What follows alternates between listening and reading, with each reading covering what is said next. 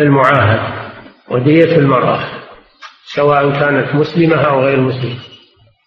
أما الكافر الذمي أو المعاهد الذمي هو الذي يدفع الجزية.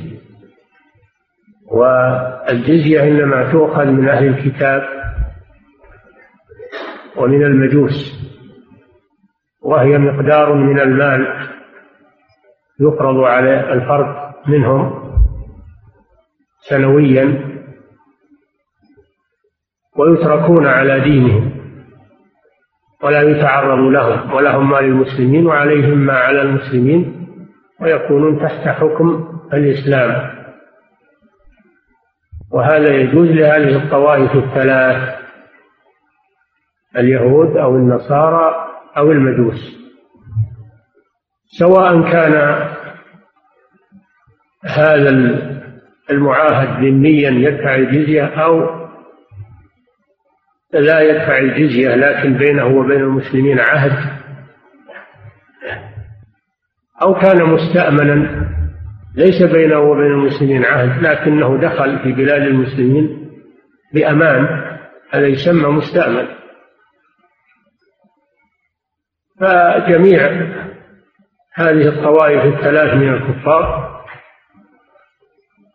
دية عقلهم يعني ديتهم نصف عقل المسلم يعني نصف دية المسلم. هذا في قوله تعالى وإن كان من قوم بينكم وبينهم ميثاق فدية مسلمة إلى أهله وتحرير رقبة مسلمة وتحرير رقبة مؤمنة. الآية مجملة فدية مسلمة إلى أهله. ما بينت الآية المقدار؟ بينها هذا الحديث أنه نصف دية المسلم. سبق لنا أن دية المسلم مئة من الإبل. فيكون دية الكتاب والمعاهد والمستأمن خمس خمسين من الإبل. نصف دية المسلم. ونساؤهم على النصف من دياتهم. مرأة من أهل الكتاب أو المعاهدين أو المستأمنين ديتها نصف دية ذكرانهم. المرأة دائما على النصف من الرجل سواء كانت مسلمة أو كافرة في الدية أما إذا كان الكافر إذا كان الكافر ليس له ليس من أهل الكتاب. ليس من أهل الكتاب ولا من المجوس لا يدفع الجزية. لكنه معاهد أو مستأمن وهو ليس له دين ولا كتاب مثل الوثنيين و فهذا ديته إذا كان مستأمنا أو معاهدا ديته ثمانمائة درهم. ثمانمائة درهم. ونساؤهم على النصف من من ذكرانهم هذه ديات الكفار. والمرأة المسلمة ديتها مثل الرجل في الجروح والأطراف. إلى أن تبلغ الثلث. ثلث دية الرجل.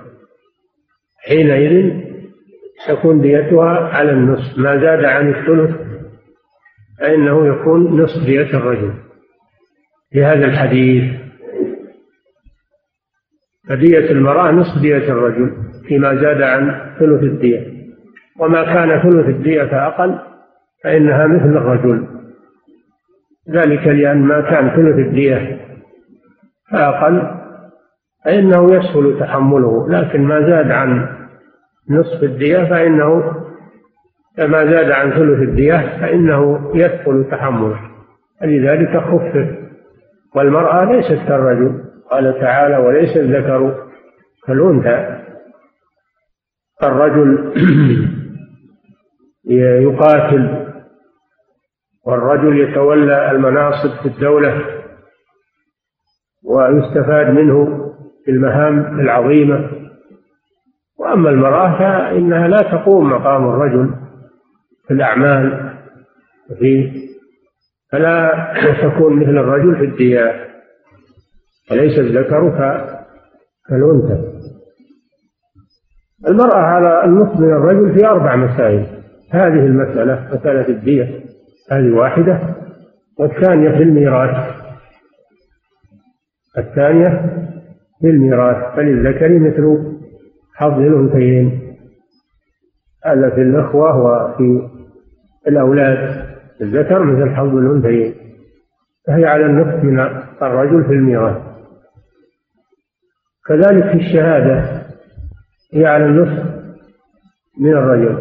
إن لم يكون رجلين فرجل وامرأتان ممن ترضون من الشهداء. فشهادة المرأتين تعادل شهادة رجل. أي على النصف من الرجل.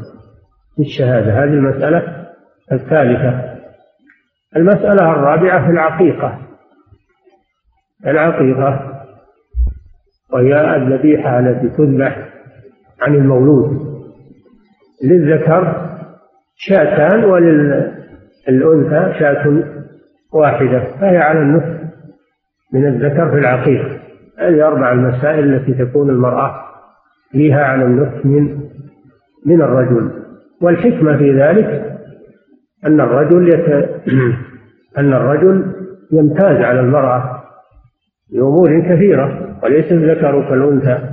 الرجل يجاهد ويجالد ويحمل السلاح ويسافر ويكد ويكدح ويتولى المناصب المهمة في الدولة والمرأة لا تطيق ذلك. فلا فلا يسوغ أن يسوى الرجل الذي هذه منافعه وهذه قيمته في المجتمع أن يسوى بالأنثى. والشارع حكيم يضع الأمور في مواضعها ويشرع لكل شيء ما يناسبه. وليس في ذلك غضاضة على المرأة كما يقوله المغرضون أو الجهال هذا هذا تنزيل للمرأة منزلتها اللائقة بها ليس فيه غضاضة هذا إنصاف. أما لو ساوت الرجل يكون هذا فيه إجحاف. وفي هذا إجحاف. الإنصاف أن أن المرأة تكون ديتها وأحكامها المذكورة على النصف من الرجل. والرجل أيضا لا يعتريه حيض ولا ولا نفاس ولا ولادة لا يترك الصلاة لا يمضي عليه فترة يترك الصلاة كالحيض والنفاس. المرأة يمضي عليها وقت أربعين يوم أو خمسة عشر يوم أو سبعة أيام الحيض تترك الصلاة تترك الصيام. هي ليست من الرجل. وفي العقل هي نصف الرجل. بشهادتها تعادل شهادة رجلين. لهذا قال صلى الله عليه وسلم ما رأيت الناقصات عقل ودين أغلب اللب منكن أو من إحداكن قيل يا رسول الله وما نقصان دينها؟ قال أليست تحيض وتترك الصلاة؟ هذا نقصان دينها. لا مثل الرجل الذي دائما يصلي ولا يترك الصلاة.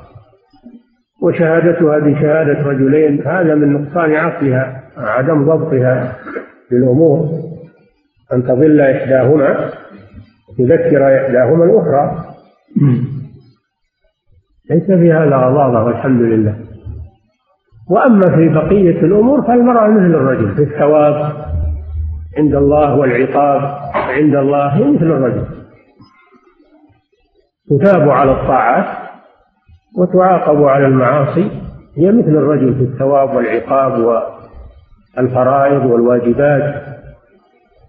لا فرق بين الرجل والمرأة إن المسلمين والمسلمات والمؤمنين والمؤمنات إلى قوله تعالى أعد الله لهم مغفرة وأجرا عظيما ولم يفرق بين الرجل والمرأة. ويتوب الله على المؤمنين والمؤمنات كان الله غفورا رحيما لم يفرق التوبة وقبول التوبة بين الرجل والمرأة. من عمل صالحا من ذكر أو أنثى وهو مؤمن فلنحيينه حياة طيبة. لم يفرق بين الذكر والأنثى في الثواب والعقاب والواجبات والطاعات وترك المحرمات. لم يفرق بين الرجل والمرأة إلا في أمور هي لا تساوي الرجل فيها. أما الطاعة فهي تساوي الرجل وترك المحرم هي تساوي الرجل. فلذلك ثوابها مثل ثواب الرجل وعقابها مثل عقاب الرجل. نعم.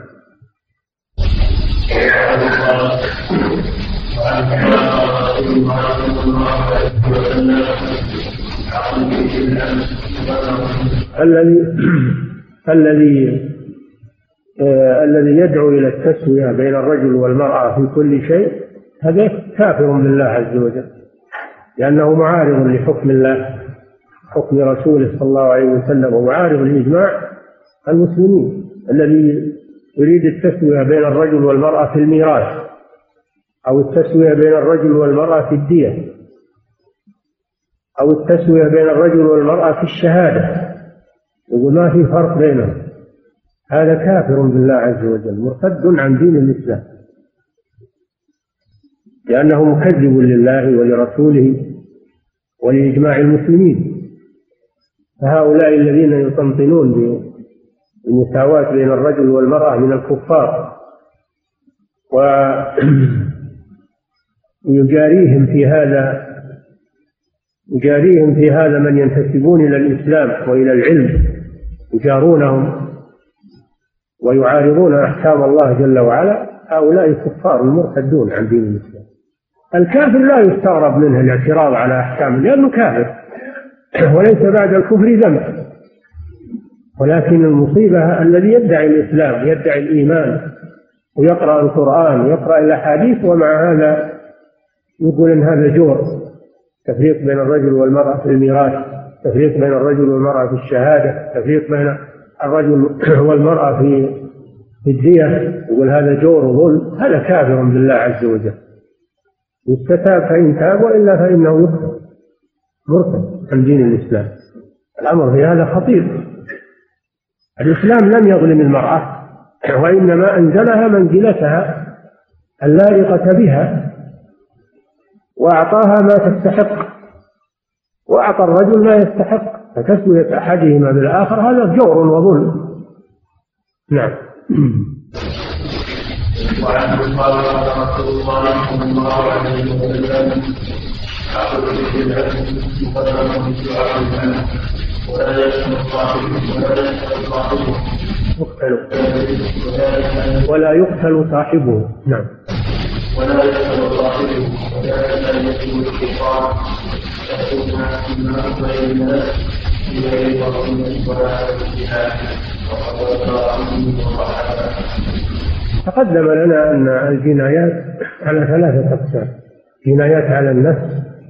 على ثلاثة أقسام الأول العمد العدوان وهو أن يقصد من يعلمه آدمي معصوم فيقتله بما يغلب على الظن موته به. كان يطلق عليه النار أو يضربه بسيف أو أو بخشبة أو بحجر كبير أو يسقيه سما أو غير ذلك من الأشياء القاتلة متعمدا هذا قتل عمد عدوان. هذا فيه القصاص أو الدية والخيرة لأولياء القتل كما سبق النوع الثاني شبه العمد وهو أن يقصد الجناية لكنها لا تقتل غالبا. أن يقتل أن يقصد يعني ينوي ويقصد جناية لا تقتل غالبا مثل الضربة باليد والضربة بالعصا الخفيف. واللكسة غير ذلك. فيترتب عليها موت يموت المجني عليه. فهذه شبه عمد شبه عمد لأنه قصد الجناية لكن الآلة غير صالحة للقتل في الغالب وفي العادة. هذا شبه عمد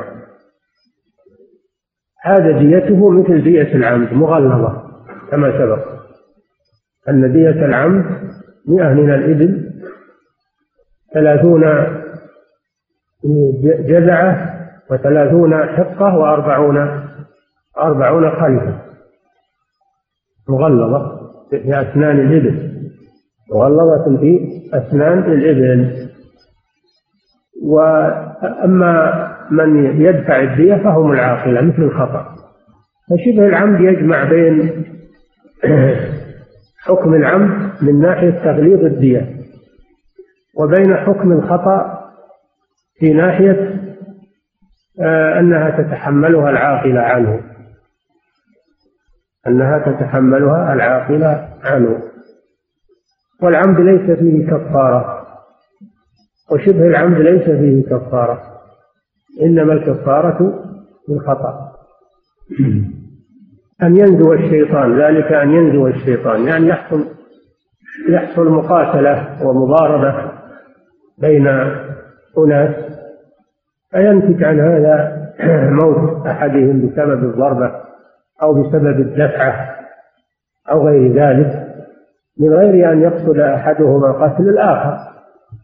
لكن حصل مدافعة وحصل مضاربة بشيء لا يقتل غالبا فنتج عن ذلك القتل. هذا هذا شبه العمد وهو من الشيطان الذي يحرش بين المسلمين يجعلهم يقتتلون يتضاربون. هذا من الشيطان. نعم. وعن ابن عباس رضي الله عنهما قال قتل رجل رجلا فلا عبره بالله صلى الله عليه وسلم. فجعل النبي صلى الله عليه وسلم يده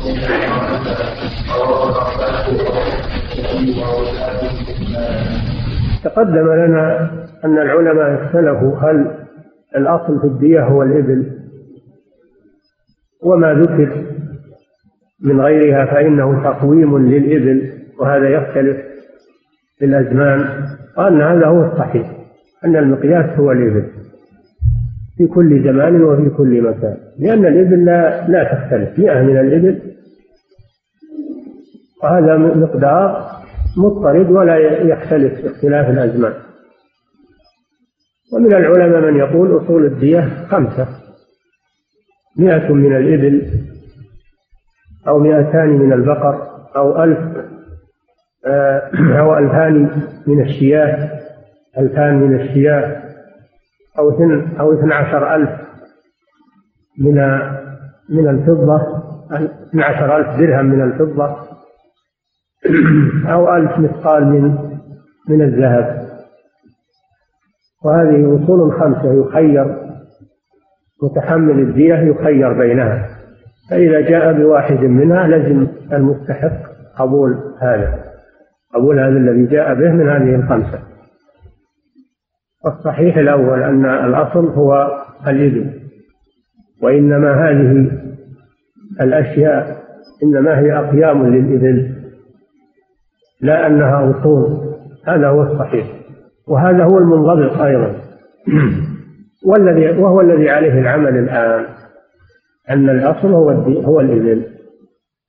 وأنها تقدر في كل وقت بما تساوي أسنانها. إما مغلظة وإما مخففة ما تساويها أسنان الإبل في كل وقت. وهذا هو العدل وهذا هو المنضبط وهذا هو الذي يدل عليه الدليل الصحيح وهو الراجح وهو المختار. نعم. قال النبي قال اتيت النبي صلى الله عليه وسلم فقال من فقلت لي ونحن به. فقال اما انكم لا يجري عليك ولا تجري عليك. رواه النسائي وأبو داود. النبي صلى الله عليه وسلم أراد أن يقرر قاعدة عظيمة وهو أن أحدا لا يؤخذ بجريمة أحد وأن الجاني إنما يجني على نفسه فسأل هذا الرجل ومعه ابنه من هذا؟ يعني سؤال لأجل تقرير لأجل قال هذا ابن قال أما إنه لا يجني عليك ولا تجني عليه يعني لا يؤخذ بجريمتك وأنت لا تؤخذ بجريمته فإذا كان الأب لا يؤخذ بجريمة الإبن والإبن لا يؤخذ بجريمة الأب فغيرهما من باب أولى. والله تعالى يقول ولا تزر وازرة وزر أخرى. ولا تزر وازرة وزر أخرى. ويقول جل وعلا لا يكلف الله نفسا إلا وسعها لها ما كسبت وعليها ما اكتسبت. وهذا بخلاف ما عليه أهل الجاهلية من أنهم يأخذون البريء بذنب أو بجريمة الجاني يأخذون البريء بغير بجريمة غيره وجريرة غيره. هذا ظلم. عدوان ولا تزر وازرة وزر أخرى حتى ولو كان بين الوالد والولد. يؤخذ كل بجريمته ويعاقب كل بذنبه. ولا يتحمل أحد عن أحد. وهذا في العمد وأما في الخطأ العاقلة تتحمل لأن هذا من باب المواساة. والقاتل خطأ لم يتعمد. ولو حمل الدية لأجحف ذلك لأن الخطأ يكثر. الخطأ يكثر ولو حمل المخطئ الدية لأجحف ذلك بماله. فمن باب التعاون جعلها الله على العاقلة تخفيفا عن الجاني لأنه لأنه مخطئ ولم يقصد الجناية فناسبه التخفيف. ولأن أقاربه يرثونه لو كان عنده مال لو كان عنده أموال كثيرة ورثوه. بعد موته فيتحملون الدية عنه إذا لأن الغنم بالغرم الخراج بالضمان كما قال النبي صلى الله عليه وسلم. نعم.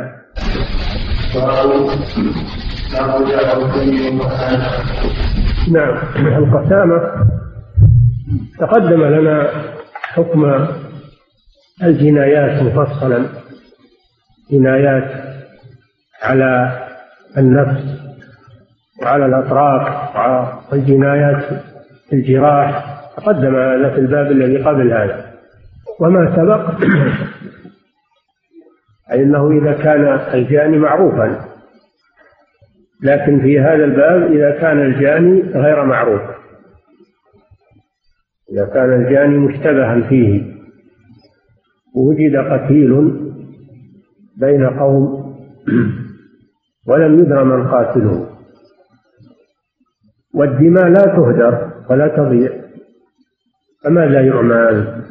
تعمل القسامة لأن هذا الشرع ولله الحمد شامل وكافي للخلق ما ترك شيئا إلا وبين حكمه فإذا وجد قتيل عند جماعة أو في قرية أو في بلد أو في حارة أو في بيت ولا يدرى من قاتله فلا يضيع هدرا.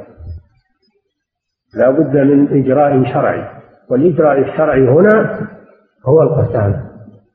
القسامة في اللغة مصدر أقسم إقساما وقسامة وقسما. وتطلق القسامة على الحالفين. يقال لهم قسامة على الجماعة. هذا في اللغة. وأما في الشرع فالقسامة أيمان مكررة في دعوى قتل معصوم. أيمان مكررة في دعوى قتل معصوم. فإذا وجد قتيل ولم يعرف قاتله واتهم به أحد اتهم به أحد من هذه الجماعة أو من هذه القرية. لكن ما عندنا بينة. وهو لم يعترف. ما عندنا بينة عليه وهو لم يعترف لكنه متهم. فهنا تجرى القسامة بشرط أن يكون هناك قرينة تغلب على الظن صدق الدعوة على هذا الشخص. بشرط أن تكون هناك قرينة تدل على صدق الدعوة وتغلب على الظن صدق الدعوة والقرينة يسمونها اللوث. اللوث وهو العداوة. يكون بين القتيل وبين المتهم بالقتل عداوة. هذا يقرب أنه هو اللي قتله بسبب العداوة. أو توجد في القتيل آثار للقتل. آه، توجد في المدعى عليه. توجد في المدعى عليه آثار للقتل.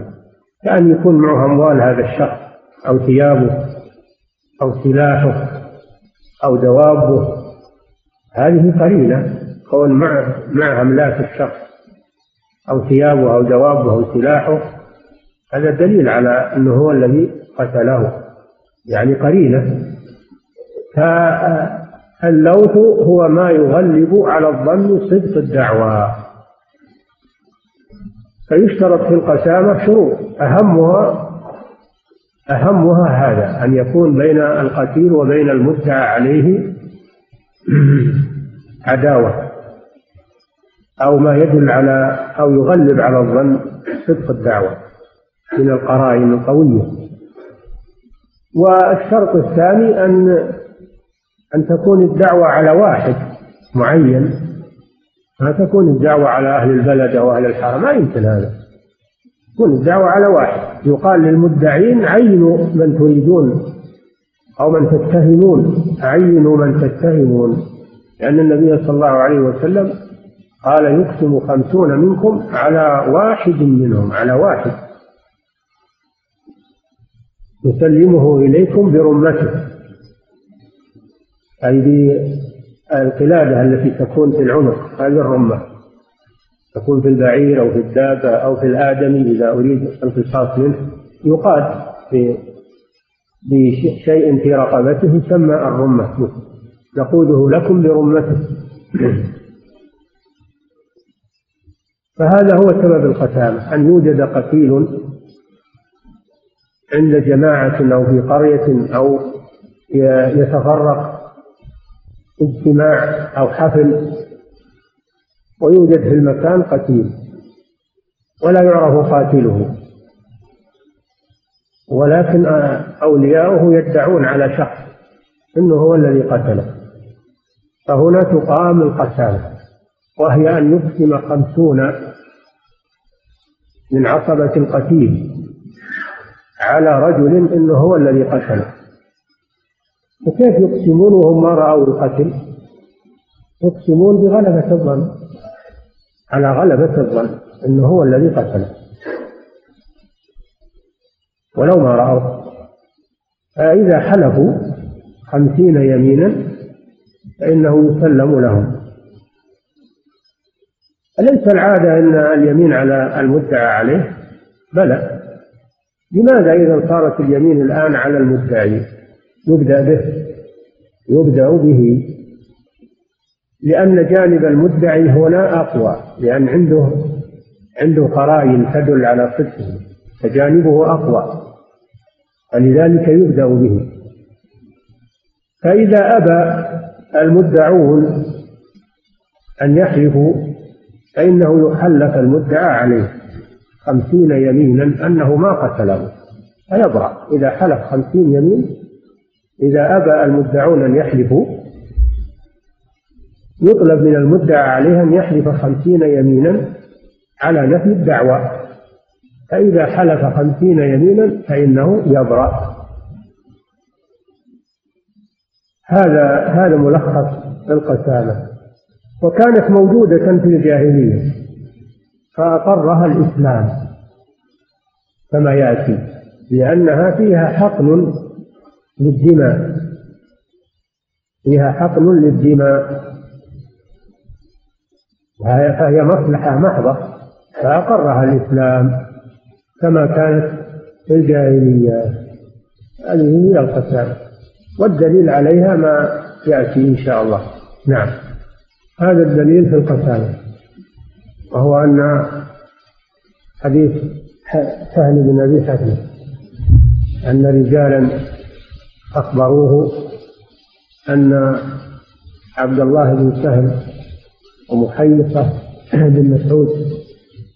ذهبا إلى خيبر وخيبر هي بلاد تقع بلاد زراعية فيها نخيل تقع شمالي المدينة. تقع شمال المدينة بينها وبين المدينة مسافة. جلى إليها اليهود الذين كانوا بالمدينة. فغزاهم رسول الله صلى الله عليه وسلم. بعد صلح الحديبية وقبل فتح مكة. غزا خيبر وحاصرها ففتح الله ففتحها الله على يديه للمسلمين بما فيها من النخيل والمزارع ونصر الله رسوله على اليهود. إخوان القردة والخنازير نصره الله عليهم. وصارت خيبر ملكا للمسلمين. وتركها بيد اليهود يزرعونها ويعملون على الشجر بجزء مما ينتج منها. وهذا ما يسمى بالمساقات والمزارعة. فجعل تركهم رسول الله صلى الله عليه وسلم عمالا فيها وهي للمسلمين. تؤخذ غلتها لبيت المال بيت مال المسلمين. فلما أصبحت ملكا للمسلمين خرج الرجلان من المدينة. من جهد أصابهم يعني فقر وحاجة ذهبوا إلى خيبر. فأتي محيصة فأخبر أن عبد الله بن سهل قتل وألقي في عين يعني عين ماء لأجل إخفائه. وفي رواية أن محيصة أتى عبد الله بن سهل وهو يتشحط في دمه قتيلا. فاتهم به اليهود.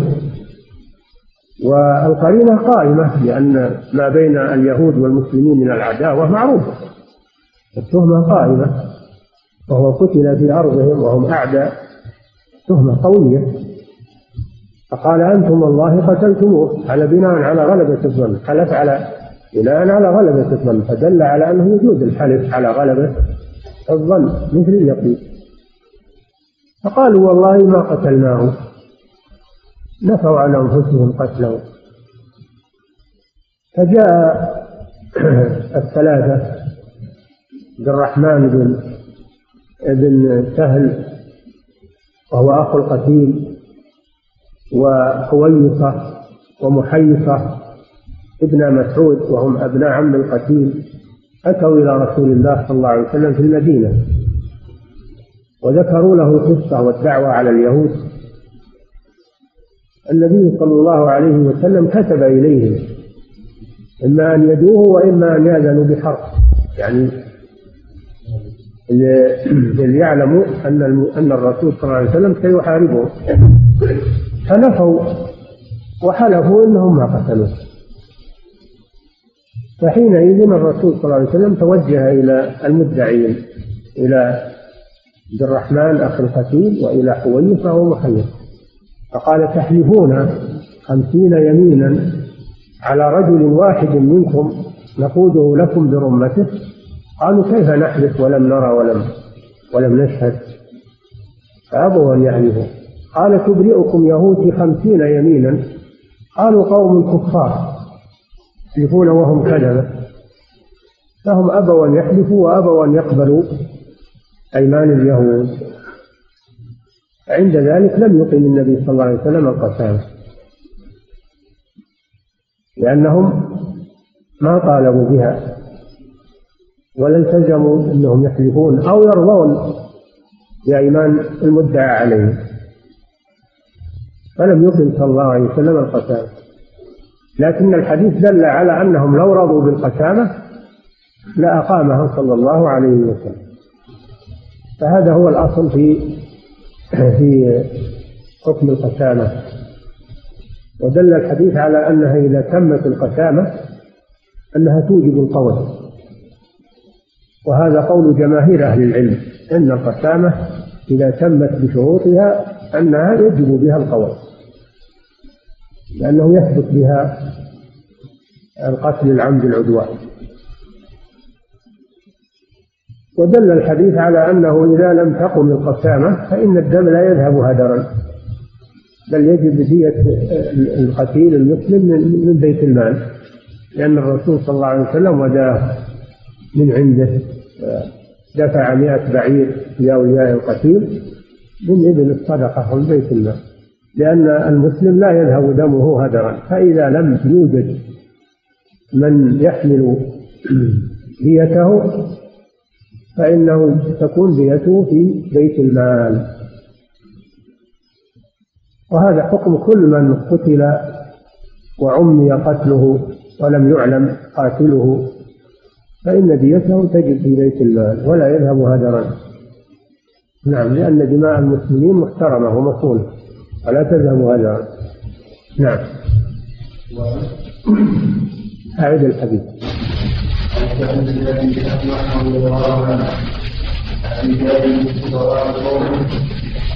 الله نعم. حديث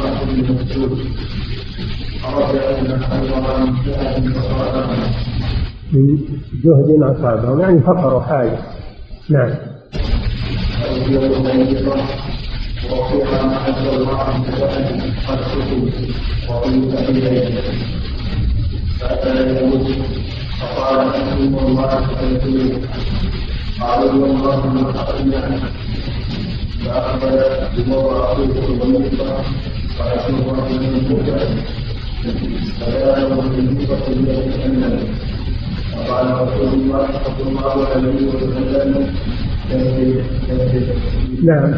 هذا فيه دليل على أنه يقدم في الكلام الكبير إذا جاء جماعة فإن الذي يتحدث هو الكبير تقديرا لسنه ولا يتحدث الصغير مع وجود الكبير. هذا من حسن الأدب. نعم. فمعنى قوله صلى الله عليه وسلم كبر كبر أي اترك الكلام للكبير تقديرا له. نعم. قال رسول الله صلى الله عليه وسلم نعم. لأنه أكبر لأنه أكبرهم. نعم. ثم تكلم حيقا أخو حيي أخو حيي فقال رسول الله ثم تكلم ثم تكلم عبد الرحمن بن سهل. كان أصغر نعم. فقال رسول الله صلى الله عليه وسلم إما أن يدوا صاحبكم وإما أن يأذنوا بحرب. نعم. يدوا يعني يدفع ديته نعم. فكتب إليهم في ذلك. كتب إلى اليهود. كتب رسول الله صلى الله عليه وسلم إلى اليهود في ذلك. وفي هذه القضية التي توجهت عليهم فإما أن يعترفوا بها ويدفعوا الدية وإما أن يستعدوا للحرب. هذا تهديد. نعم. فكتبوا إنا والله ما قتلنا. نفوا الدعوة. نعم.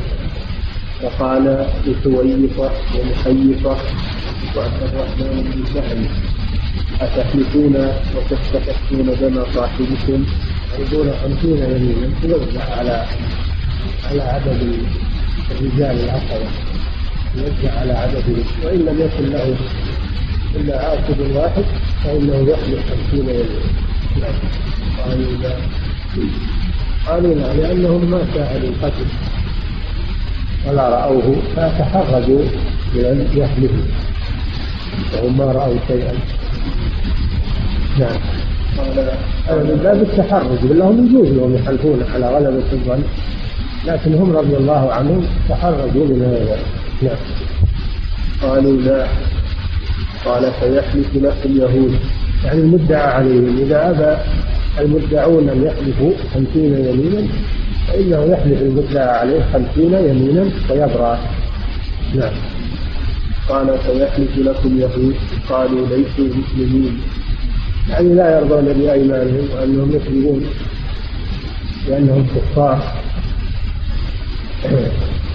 فهم لم يرضوا لم يروا أن يحلفوا تورعا ولم يرضوا بأيمان الكفار الرسول صلى الله عليه وسلم لا يلزمهم أن هذا شيء لهم هم إن أرادوا حلفوا وإن آه لم يريدوا تركوا الدعوة لهم هم. نعم. فوجاه رسول الله صلى الله عليه وسلم من عنده لأنه لم لم يثبت لأنه لم يثبت من قتله. صار قتله معمى ولم يثبت. توجه القتل إلى أحد ولا يضيع دم المسلم. فوداه صلى الله عليه وسلم يعني دفع ديته من بيت المال. مئة من الإبل. وهذا فيه دليل على أن الدية مئة من الإبل وأنها هي الأصل في الديات نعم. فبعث إليهم مئة آخر نعم. قال سهل ولقد ركبتني منها ناقة حمراء هذا من باب التأكيد يعني ذكر سهل لهذا أنها ركبته يعني رفسته برجلها هذا من باب التأكيد وأنه رآها. نعم. متفق عليه. بين البخاري ومسلم. نعم. وعن ابي بن أن رسول الله صلى الله عليه وسلم أقام القسامة على ما كانت عليه. نعم. القسامة كان معمولا بها في الجاهلية عندما يقتل القتيل ولا يعلم قاتله ويتهم فيه. أحد فإنها تجرى القسامة وهذا كان موجودا. فلما كان هذا بحفظ الدماء وليس فيه جور ولا ظلم أقره الإسلام لما فيه من المصلحة. هناك أشياء أقرها الإسلام.